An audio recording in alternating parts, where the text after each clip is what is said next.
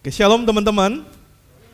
Nah, sekali lagi saya mau dengar suara anak-anak muda yang luar biasa. Shalom teman-teman.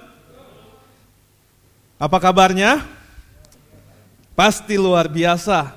Karena sebagai anak-anak Allah tentunya Tuhan akan ketika kita terus berjalan di dalam jalan-jalannya Tuhan, ya ketika kita terus hidup sesuai firman Tuhan, maka Tuhan pasti akan memimpin dan menyertai setiap langkah-langkah kehidupan kita sehingga kabar yang kita bisa wartakan, kabar yang bisa kita gemakan kepada setiap saudara seiman kita, kita punya kabar yang luar biasa. Amin. Karena Allah yang kita sembah adalah Allah yang luar biasa. Dan puji Tuhan, eh, saya terus berdoa ya kita semua ada dalam keadaan yang sehat dan baik-baik saja. Nah, oke, okay. judul khotbah saya pada siang hari ini yaitu adalah Never stop learning atau jangan pernah berhenti belah belajar ya, jangan pernah berhenti belajar. Ada sebuah pepatah lama atau statement lama yang mengatakan tuntutlah ilmu sampai ke negeri Cina. Ada yang tahu apa arti istilah ini? Ada yang bisa menjelaskan apa arti istilah ini? Ada yang berani? Nggak ada yang berani. Ya, apa arti istilah ini? Yaitu tuntutlah ilmu sekalipun ke tempat yang jauh ya. Jangan pernah bosan untuk belajar. Jangan pernah menyerah untuk belajar. Karena yang namanya belajar itu adalah proses seumur hidup. Kita berhenti belajar ketika kita berhenti bernapas. Ya. Kita berhenti belajar ketika umur kita habis di dunia ini. Atau artinya ketika Tuhan panggil kita pulang kembali ke surga. Nah teman-teman, Sedangkan belajar itu sendiri dibagi menjadi dua kelompok atau diklasifikasikan menjadi dua.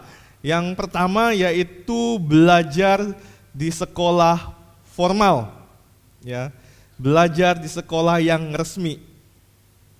Nah, berapa lama kita belajar di sekolah yang formal ini? Coba kita hitung-hitung sebentar, supaya nggak ngantuk, karena ini udah jam segini, hujan pula, ya kena AC pula, ya habis makan pula. Waduh, ini sungguh perjuangan yang berat untuk kita bisa bertahan mendengarkan khotbah. Ya. Jadi ibadah youth blessing ini benar-benar ibadah yang penuh perjuangan. Ya. Jadi pastikan setiap kali teman-teman ibadah e, di tempat ini, teman-teman mendapatkan sesuatu. Jangan cuma numpang tidur. Amin. si Vicky udah dari tadi ya, habis ibadah umum udah mulai ngantung. Jangan jangan sampai tepar nih ya.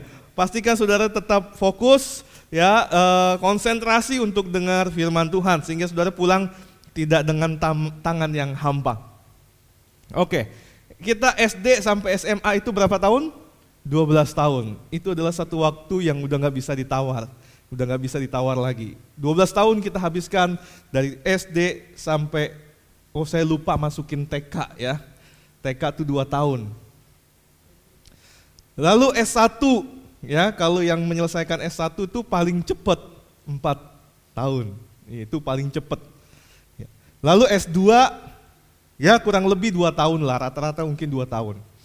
Lalu S3 ya kalau lancar semuanya kuliahnya lancar, tugasnya lancar, penelitiannya lancar, kurang lebih itu paling cepat tuh tiga tahun. Jadi totalnya berapa selama kita, kalau kita sampai S3? Kalau orang yang sekolah sampai S3 dia menghabiskan waktu berapa lama untuk sekolah, untuk belajar? Coba ada yang bisa hitung ini berapa? 21? 21 tahun. Nah tadi ditambah kalau dia TK, TK 2 tahun, itu artinya 23, 23 tahun. Waktu yang dihabiskan untuk belajar. Nah pertanyaannya adalah apakah sudah cukup waktu untuk belajar? Sudah cukup belum waktu untuk belajar? Belum teman-teman, ya, belum cukup. Ini kita baru menyelesaikan waktu belajar secara formal, ya, belajar menyelesaikan pembelajaran kita secara akademis. Ya. Tapi setelah itu Setelah kita menyelesaikan uh, sekolah kita secara akademis, maka kita akan masuk di fase yang kedua yang disebut dengan belajar di sekolah kehidupan. Ini adalah sekolah yang unformal. Ya, sekolah yang unformal. Nah, di sekolah kehidupan ini kita belajar dalam jangka waktu yang tidak terbatas. Kalau kita hidup selama 70 tahun di dunia ini ya selama 70 tahun itu kita akan belajar di sekolah kehidupan.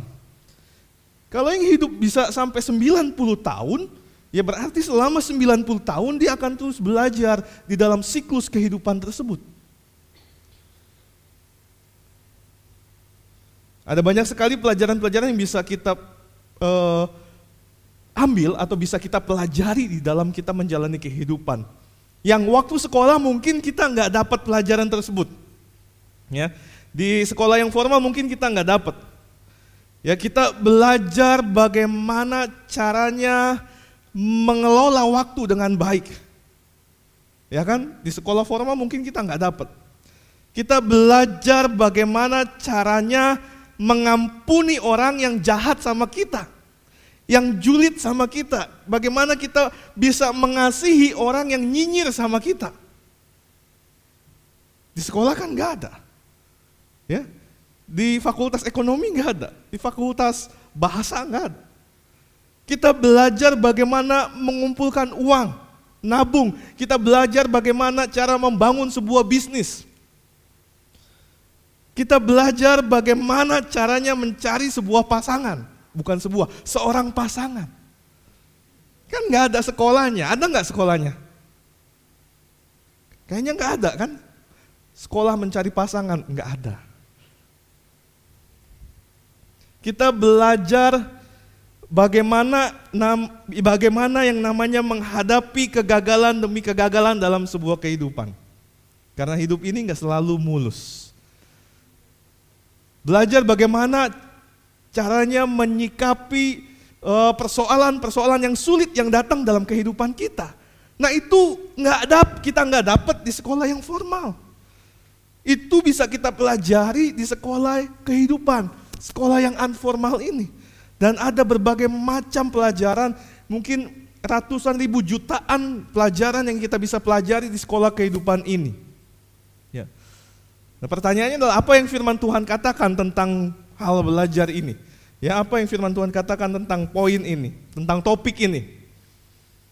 Amsal 1 ayat 7, ya kita baca sama-sama biar nggak ngantuk. Boleh saya minta dengan hormat kita berdiri baca firman Tuhan. Selain kita menghormati firman Tuhan supaya kita juga nggak ngantuk. Satu, dua, tiga.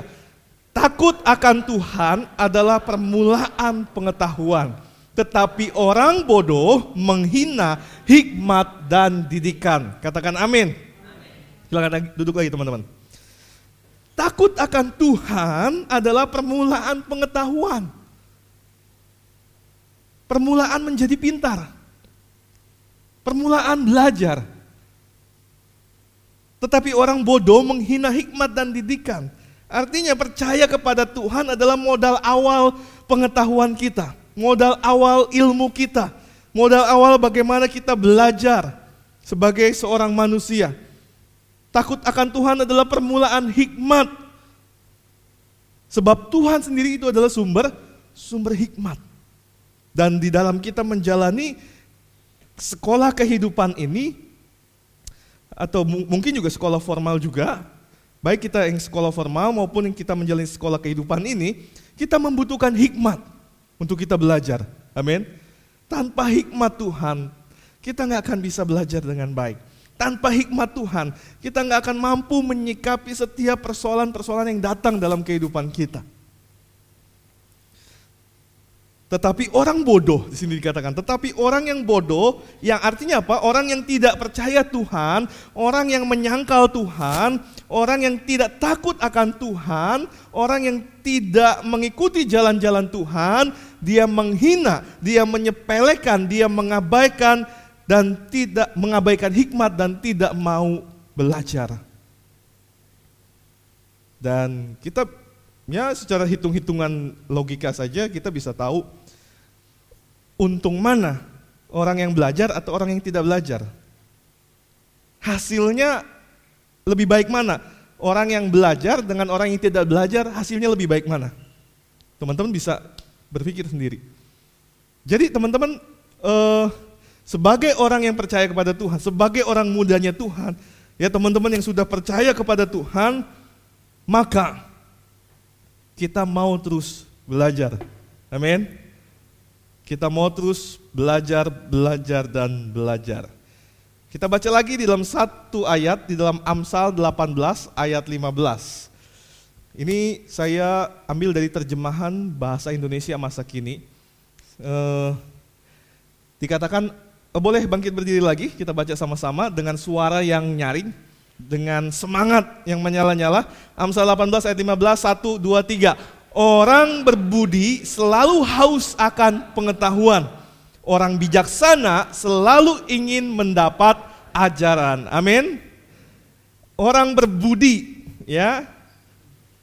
Kalau namanya budi, double budi, ya. Budi kuadrat. Udah namanya budi, dia berbudi lagi. Orang berbudi artinya adalah orang yang mempunyai pikiran, orang yang punya akal, orang yang punya nalar, itu akan selalu haus pengetahuan. Artinya dia apa? Dia selalu haus untuk belajar. Dia nggak akan pernah puas hanya sampai segini, dia nggak akan pernah puas. Jadi dia akan terus belajar, belajar, dan belajar. Nah itu orang yang berbudi dikatakan. Dan orang bijaksana, selain dia berbudi, tapi dia juga bijaksana, selalu ingin mendapat ajaran. Ajaran ini apa ya? Dia selalu ingin diajar, dia selalu ingin dididik. Ya, dia ingin selalu dibimbing, dia ingin selalu dibina supaya apa? Supaya semakin hari dia semakin pintar, semakin lebih baik, lebih baik dan lebih baik lagi. Ilmunya semakin bertambah. Nah, jadi teman-teman paham ya? Kalau orang yang takut akan Tuhan, orang yang berhikmat, orang yang memiliki akal budi, maka perhatikan nih, maka dia tidak akan pernah berhenti be, belajar. Sedangkan orang yang tidak mau belajar adalah orang yang tidak takut akan Tuhan. Orang yang tidak berhikmat dan orang yang tidak memiliki akal budi.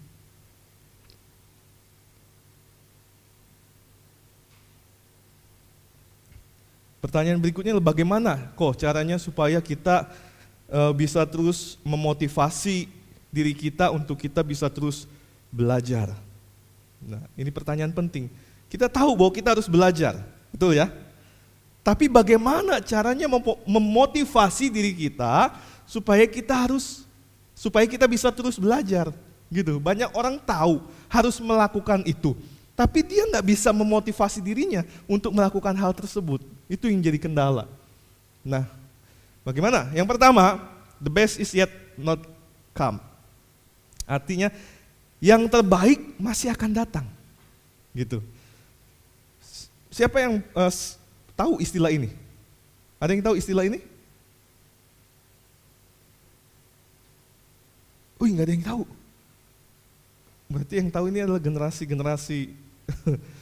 ini tahu nggak istilah ini? Nggak tahu juga. Ya. Kok Devri tahu?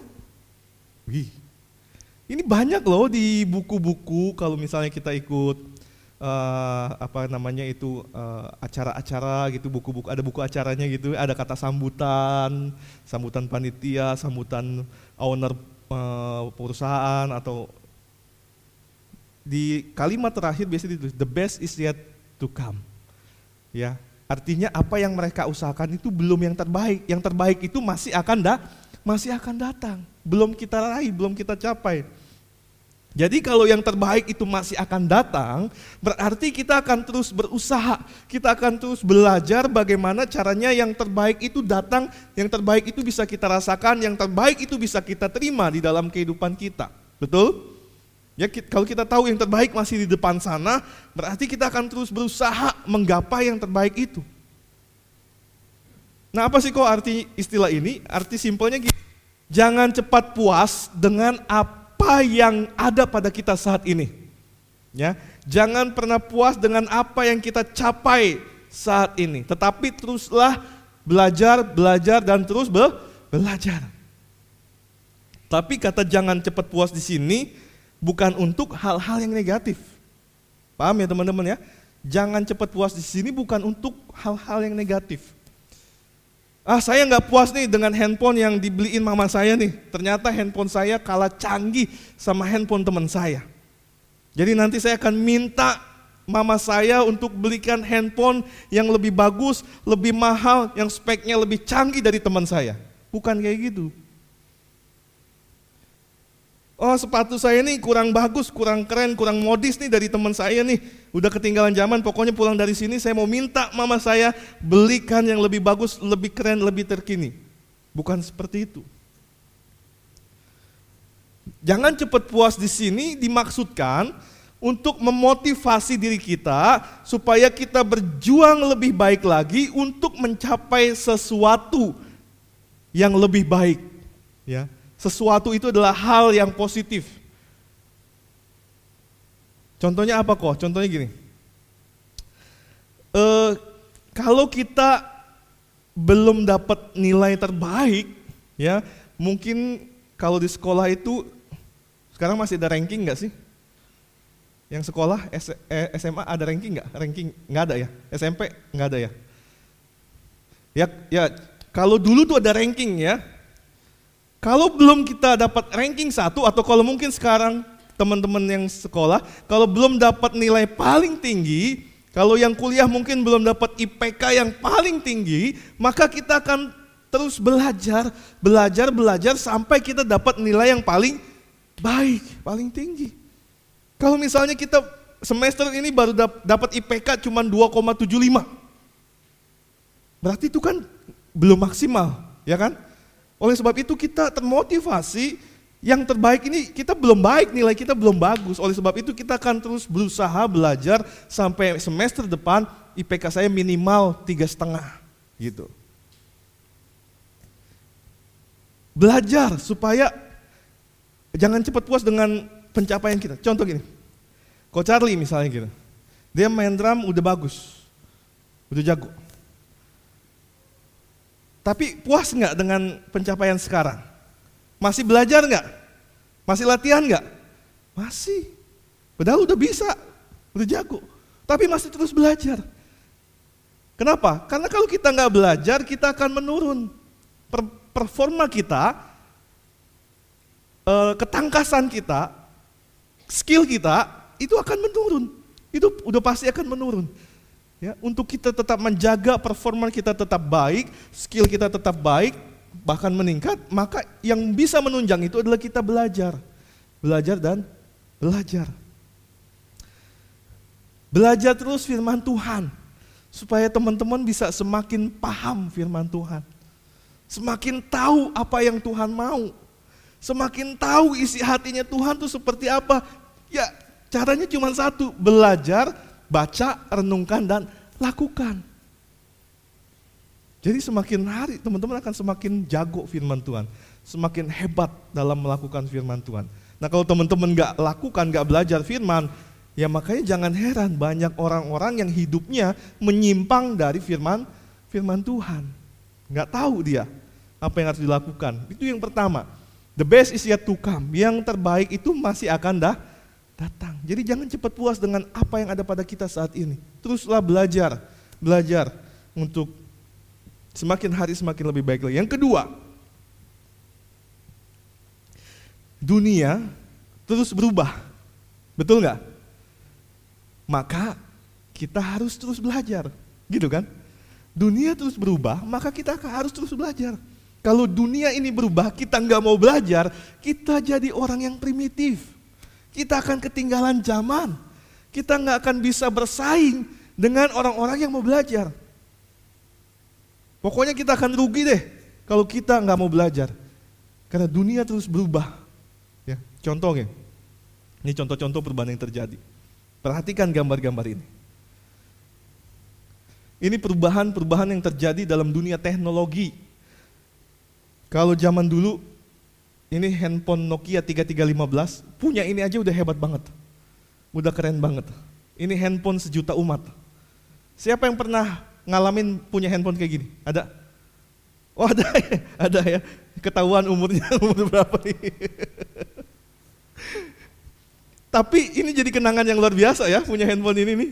Ya, luar biasa. Ini udah canggih banget. Kalau mau ngetik, ini satu tombol ada tiga huruf. Jadi kalau mau ngetik A sama B, nunggu kursornya berhenti ngedip, baru bisa ngetik B gitu. Ketik A dulu, kursornya berhenti ngedip, baru ketik B. Kalau enggak jadinya A A gitu. Saya kasih tahu tuh yang enggak yang enggak tahu Nokia 3315. Layarnya segini, warnanya warna agak kekuning-kuningan gitu ya. Cuman bisa nelpon sama SMS, sama main ular-ularan ya kalau nggak salah. Tapi udah canggih banget, kita dulu udah senang banget. Tapi sekarang, coba lihat, udah nggak ada tombol di layar, semua layar. Ya, bisa internet, ya bisa browsing dan lain-lain. Lalu siapa yang pernah ngalamin pakai komputer kayak gini? Komputer tabung gede, Mas Dedi pasti ngalamin, ya. Saya dulu sempat ngalamin waktu SMK ya, belajar praktek komputer, satu komputer 10 orang. Ya, komputernya tabung kayak gini. Tapi sekarang coba lihat nih komputernya nih, kayak gini teman-teman. Ini perubahan yang terjadi. Lalu dulu nyimpen data pakai disket. Nah, Wendy, Devri, Charlie pasti ngalamin nyimpen data pakai disket ini namanya disket nih. Gede kotak gitu. Memorinya juga sedikit. Tapi sekarang cuma pakai flash disk. Bahkan sekarang udah ada SD card ya dan lain-lain. Canggih banget. Dulu main, main gimbot. Ya. Main gimbot nyusun balok. Gitu. Udah senang banget. Sekarang mainnya Mobile Legend, Mobile Legend. Terus main apa lagi tuh macem-macem di handphone, bisa bareng-bareng sama teman-temannya, bisa online itu kecanggihan yang terjadi. Siapa yang dulu oh ini ini jadul banget ini TV kayak gini nih. Ya sekarang TV-nya kayak gini nih, udah cekung. Ya, TV bisa sampai 75 in, 80 in. Luar biasa perubahan yang terjadi. Lalu dulu kalau mau main tenis kayak gini mesti pakai Sega, ini Sega ya kalau nggak salah ya. Sega apa apa nih? Saya lupa nih. Sekarang udah bisa kayak begini nih, canggih banget kan. Dulu kalau mau kalau mau denger lagu pakai kaset kayak gini, kaset pita ya kalau kasetnya pitanya ketarik gitu kusut kita gulung dulu ya digulung dulu pelan-pelan itu juga biar sampai biar nggak berlipat sekarang cuma pakai flash disk colokin ke mobil ya ke radio udah MP3 semua. Simple. Download gratis lagi. Kalau kaset mesti beli. Dulu kalau mau mau main VR ya ini zaman dulu alatnya udah ada. Cuman kayak orang periksa mata ya. Kayak ke dokter mata gitu. Sekarang cuman sekotak gini doang nih kecil nih, tinggal pasang kayak helm. Udah bisa main virtual reality. Kodak ya, zaman dulu kodaknya kayak gini, mesti pakai roll film. Roll film isinya 36. Ya, kalau kebakar kita keselnya keselnya bukan main gitu ya. Moto cuman bisa 36 gaya gitu. Setelah itu udah habis gitu.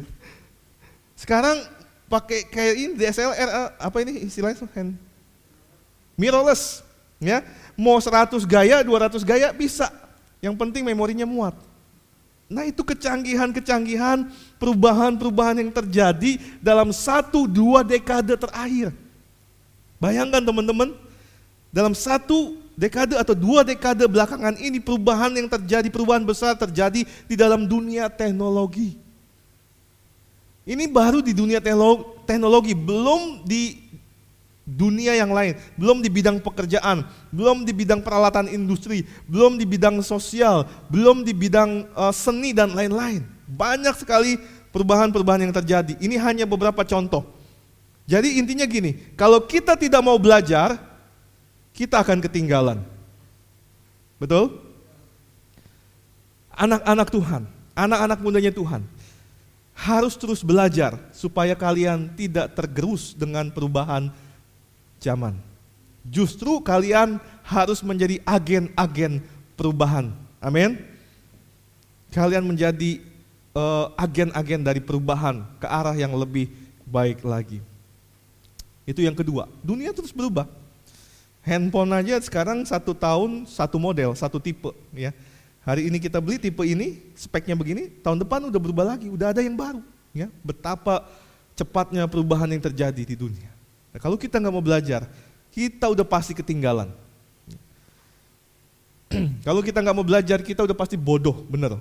Kita pasti bodoh. Yang ketiga, bagaimana kita memotivasi diri kita? Kita harus tahu karena kita harus paham karena Tuhan menginginkan kita menjadi kepala dan bukan ekor. Katakan amin. Kalian harus paham karena Tuhan menginginkan kalian untuk menjadi kepala dan bukan ekor. Itu dicatat di dalam Ulangan 28 ayat 13. Tuhan akan mengangkat engkau, Tuhan menginginkan engkau menjadi kepala dan bukan eh, ekor. Engkau akan tetap naik dan bukan turun. Apabila engkau mendengarkan perintah Tuhan Allahmu yang kusampaikan pada hari ini, engkau lakukan dengan setia. Apabila engkau belajar firman, makanya kan tadi saya bilang, kita harus baca, renungkan, dan lakukan firman. Kita harus belajar firman, yang kita dengar setiap hari, mungkin lewat YouTube, lewat chat WA, lewat khotbah-khotbah yang kita dengar. Itu kita harus pelajari, renungkan dan lakukan. Maka apa? Tuhan akan mengangkat engkau menjadi kepala dan bukan ekor. Perhatikan kalimat terakhir ini. Apabila engkau mendengarkan perintah Tuhan, Allahmu yang disampaikan pada hari ini engkau lakukan dengan setia. Jadi bukan ujuk-ujuk Tuhan tiba-tiba angkat kita jadi kepala tanpa melakukan firman, bukan.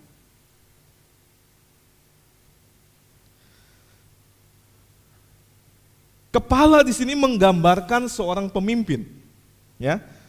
Orang yang dihormati, orang yang diberi kuasa atau otoritas orang yang punya pengaruh, dan lain-lain.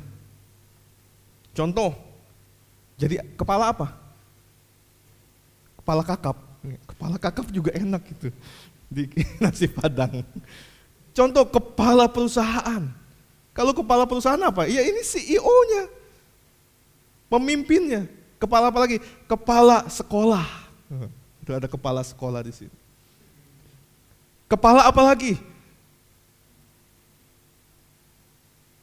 Kepala apa? Enggak kedengeran Martin, pakai masker soalnya. Kepala negara, Wih, bisa. Jadi kepala negara, kepala pemerintahan, ya, kepala organisasi dan lain-lain dan berbagai jenis kepala lainnya. Itu bisa terjadi buat setiap orang yang belajar firman dan melakukannya. Dan Tuhan tidak menghendaki kita jadi ekor. Apa itu ekor? Yaitu kebalikan dari kepala. Tuhan mau kita tetap naik dan bukan turun. Artinya apa? Artinya tetap di atas, tetap punya pengaruh, tetap sebagai pemimpin, ya, tetap bisa memberikan dampak yang luar biasa. Itu yang Tuhan kehendaki dari kehidupan anak-anaknya.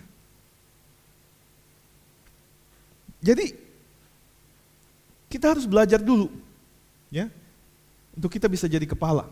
Contoh gini, uh, pemilu berikutnya kan tahun 2024 ya, tahun 2024 berarti ganti presiden, berarti ganti lagi jajaran menteri. Contohnya gini, uh, bisa nggak saya uh, tahun 2024 mencalonkan diri jadi anggota DPR? Bisa nggak? Bingung kan? Bisa nggak? Bisa aja, ya. Ada banyak cara untuk bisa menjadi anggota DPR. Tapi pertanyaannya gini, uh, gini, Tuhan bisa menempatkan, Tuhan bisa saja menempatkan saya sebagai anggota DPR. Tapi saya punya kapasitas enggak? Ya, saya punya skill enggak di bidang itu? Enggak punya. Skill saya, kapasitas saya di dalam dunia pelayanan dalam dunia kerohanian. Jadi kalau saya memaksa untuk jadi anggota DPR, maka itu akan menyusahkan hidup saya sendiri. Itu akan mempermalukan Tuhan. Sama, kalau teman-teman punya cita-cita jadi apa?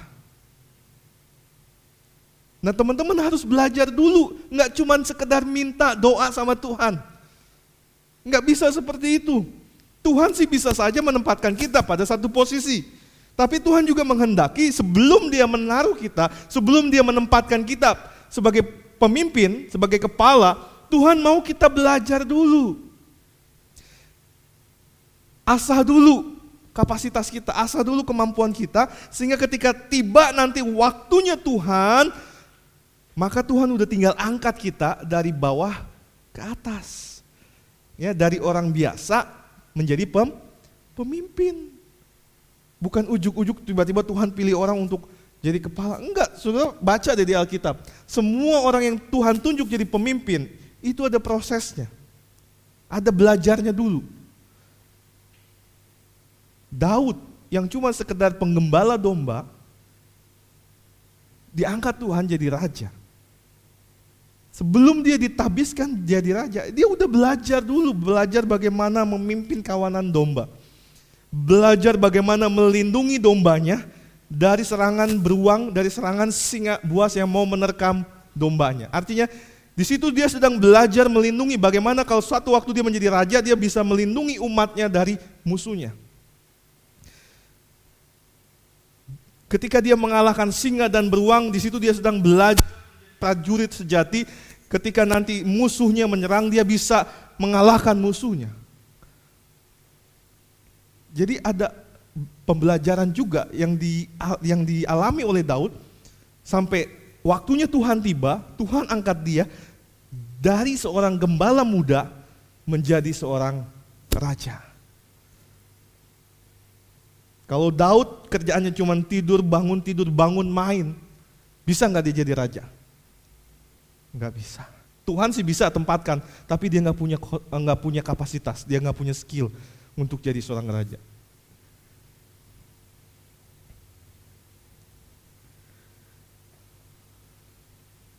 Yang terakhir, jangan pernah berhenti belajar. Amin. Karena apa? Sebab harapan, cita-cita, dan mimpimu juga tidak berhenti hanya sampai saat ini saja. Betul? Saya yakin teman-teman punya mimpi, punya cita-cita yang jauh ke depan. 15, 20 tahun lagi punya cita-cita pengen jadi apa? Nah apakah itu akan tercapai kalau engkau cuma belajar sampai hari ini? Nggak akan tercapai. ya. Jadi jangan pernah berhenti belajar. Karena harapan, cita-cita dan mimpimu juga tidak hanya berhenti sampai saat ini saja. Jadi kalau engkau mau melihat harapan, cita-cita dan mimpimu digenapi, teruslah belajar. Amin. Tuhan memberkati kita. Saya undang uh, kita semua boleh bangkit berdiri. Kita mau berdoa untuk firman Tuhan pada siang hari ini. Haleluya.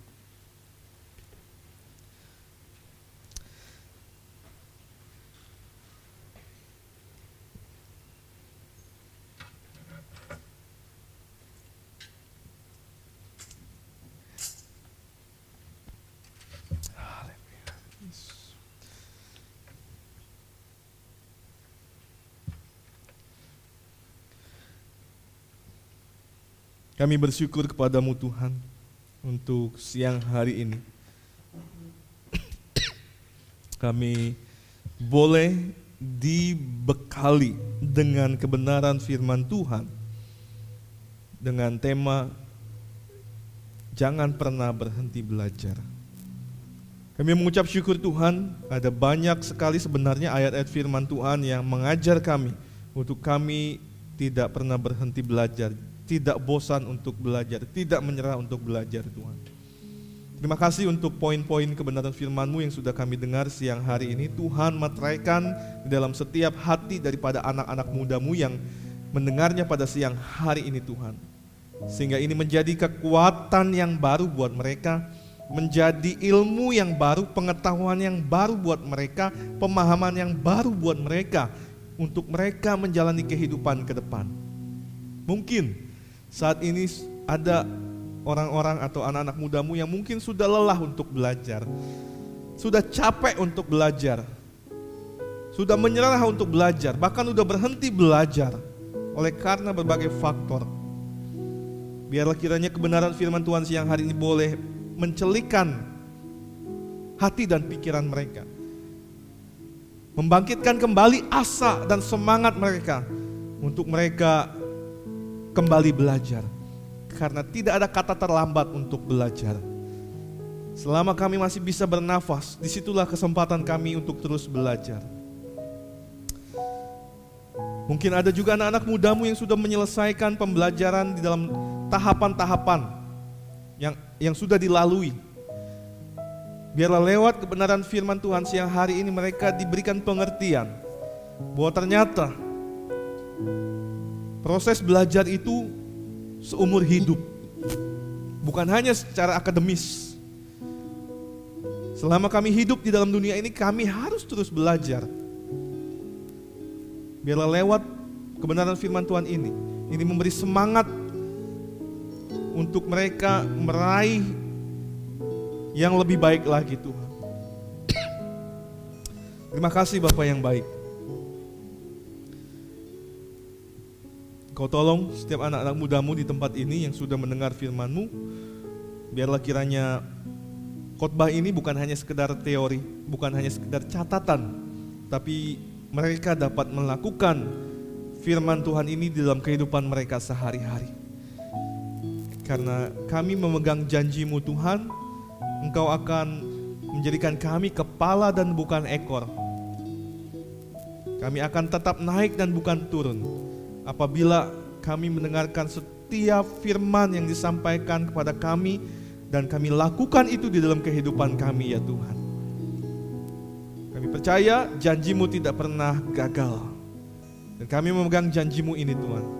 Dan untuk engkau mengangkat kami menjadi kepala dan bukan ekor, dibutuhkan proses pembelajaran dari diri kami sendiri Tuhan. Kami juga mau untuk diajar, dibentuk dan dididik Tuhan.